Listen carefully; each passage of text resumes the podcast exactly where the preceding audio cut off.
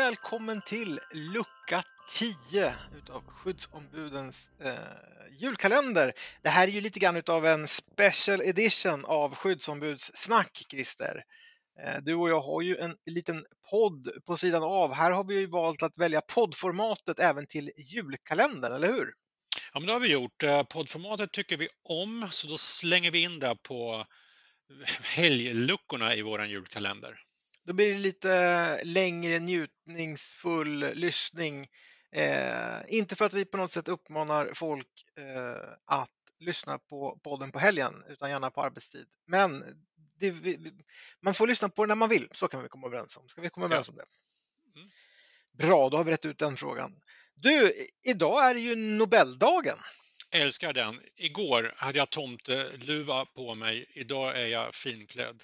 Alltså, Ja, men det, Nobeldagen är en stor dag för mig. Alltså, jag älskar den dagen och vad den står för och de här programmen man kan ta del av på tv framför allt. Och det brukar ramla ut ett sånt här program som heter Snillen spekulerar. Jag tycker det är helt fantastiskt. Ja, varför tycker du att det är helt fantastiskt? Jag vet inte. Jag, ända sedan jag var liten, jag var väl lillgammal då, men jag var, jag var så fascinerad över det här vetenskap, alltså människor som, alltså när de forskar och historierna bakom forskningen och sen många gånger av en ren slump så springer de på någonting, men också av envishet. envishet. Det finns ju många Nobelforskare som har så här i 25 år eller mer för att hitta någonting och så bara, vad heter det, ja, när de kommer på det så är det ett uttryck. Där satt den liksom på något sätt. Mm.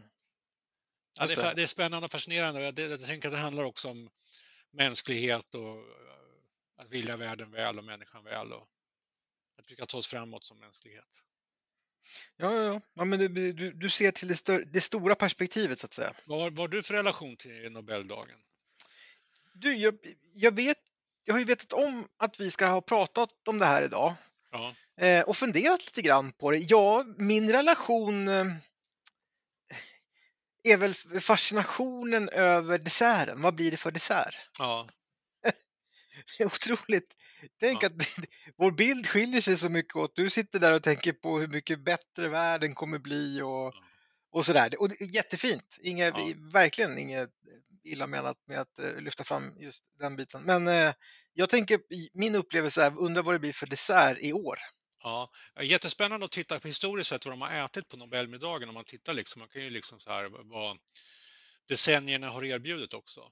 Mm, just det bara där har man ju en hel del att eh, ja, men, framtidsspana kring. Men nu är vi ju inte spanarna i P1, vi är ju någonting annat. Men, men eh, ja, nej, intressant.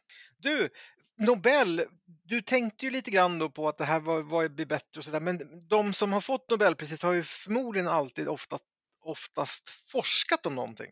Ja, man, precis. Man har forskat och, och sen kan bekräfta det, det vi ser. Det, det, kan vi ta som en sanning eller som en verklighet. Just det. Det är där någonstans jag, jag fascineras. Och det är ju lite grann tonen, ämnet som vi tar upp i dagens eh, lucka. Arbetsmiljö utifrån ett forskningsperspektiv. Vad kan man fastslå och inte? Vad, vad tänker du när jag säger så? Jag tänker på att ibland säger man uttrycket, när, när du och jag liksom, vi, vi, är, vi lever ju och är i arbetsmiljökretsar och ibland kan vi själva slänga med uttrycket eller vi hör det forskningen säger och så kommer man med ett påstående om hur någonting påverkar arbetsmiljön eller så. Eh, det är också lika spännande att det finns forskning på arbetsmiljö och arbetsmiljöfaktorer och utfall av olika saker. Ja men verkligen. Jag tänker framförallt också, alltså forskning är ju föränderlig om man får säga så. så. Ett tag trodde man att jorden var platt. Sen visade forskning att den var rund. Ja, men vänta nu. vad säger du nu för någonting?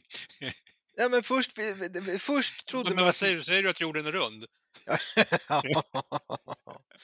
Därför att forskningen säger det. Ja, det tappar du mig. Eh, nej, men precis. Eh, ja. Nej, men den, den, jag lovar dig, den är rund. Okay. Du får ta mitt ord för det helt enkelt. Jag ska googla. Men jo, för så här då, om vi börjar komma in i pudelns kärna lite grann. Det är ju så att oftast möts ju, möts ju du av någonting som någon har upplevt som är negativt. Alltså till exempel, eh, och det här kanske är kontroversiellt, jag vet inte, så du får väl stoppa mig då Christer. Mm. Men att säga så här, jag har så mycket att göra, jag har så hög arbetsbelastning. Mm. Har jag rätt i att påstå att det är en upplevelse av någonting? Ja, absolut. Det, den är en upplevelse. Jag hoppas verkligen att de som lyssnar nu inte tar det på fel sätt. Utan vi menar ju, vi menar ju det är där det börjar. det, man upplever ju någonting. Man upplever ju att jag hinner inte med. Det, det, är, en, det är en upplevelse. Eller att man är stressad, det, det är också, man, man, känner igen ett stresspåslag. Den också, det är en påtaglig upplevelse. Ja, men precis. Så att, och det är ju svårt, det skulle vara svårt för någon att här, forskningsmässigt bevisa att det är eh, du, att du har hög arbetsbelastning. Absolut, man skulle kunna ta lite blodprover, man skulle kunna kolla lite sådär. Det är ju fullt rimligt. Men man skulle inte eh, personer skulle ändå kunna fortsätta hävda att jag upplever hög arbetsbelastning. Men jag tänker så här Mattias, du och jag tar ju ibland exemplet att om du får en arbetsuppgift som har värdet 100, du ska prestera 100 och det fixar du galant. Jag får samma arbetsuppgift i samma mängd, 100, men jag fixar inte det av olika anledningar. Jag känner mig stressad. Jag tycker att det är väldigt mycket att utföra. Jag, jag skulle nog bedöma själv, jag klarar 80. Där, där, skulle, där ligger min kapacitet eller min förmåga just i den arbetsuppgiften. Då fixar du 100, jag fixar 80. Vad, vad är rätt eller fel i det här? Hur löser man det liksom? Mm. Har, har, du, har du rätt? 100 är rimligt eller har jag rätt? 100 är för mycket. Ja men verkligen. Nej, exakt, och det, och det, skulle inte forskningen kunna fastslå. Det skulle, det skulle inte gå där i forskningen att fastslå vem, vem av oss två som har rätt. Eh, så, så arbetsmiljö, upplevelse av arbetsmiljö är ju nästan ett konstant flytande tillstånd.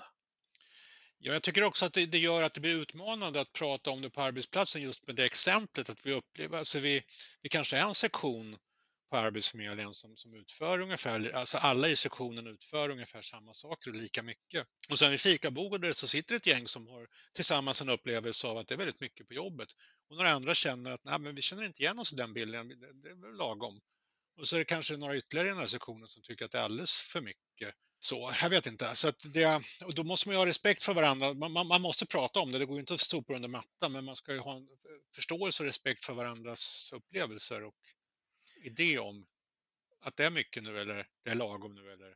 Ja, men du, ja verkligen. Men jag tänker också väldigt många gånger så har jag mött människor, medarbetare som till mig som skyddsombud har uttryckt att Nej, men jag har okej, okay, men de där stackarna, de måste du kolla närmare på. Mm. Eh, och då ger de aldrig nästan uttryck för att de har det okej. Okay. Just det.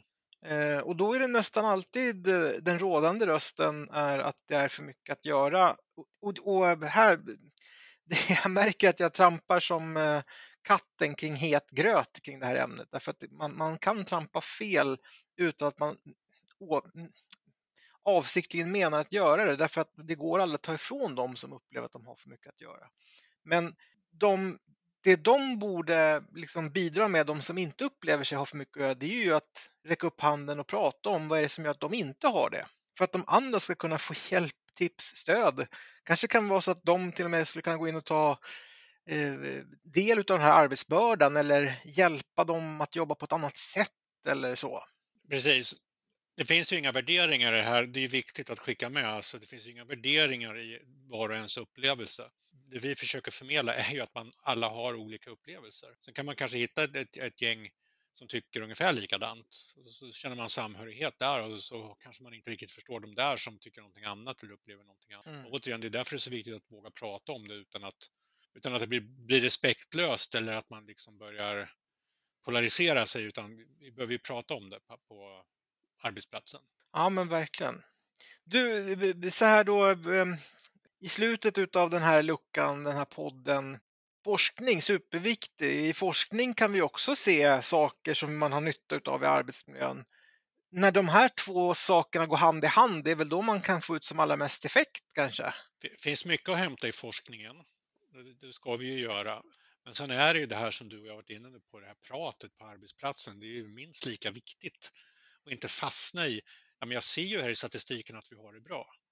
Men den stackaren som inte har det bra då, alltså som mår dåligt och har gjort en lång tid, den känner ju inte igen sig i den här statistiken eller det forskningen säger. Så det är så viktigt att vara lyhörd för det, det mänskliga uttrycket också. Statistik när man mäter arbetsmiljö känns nästan alltid som att det krävs röster till för att förstå.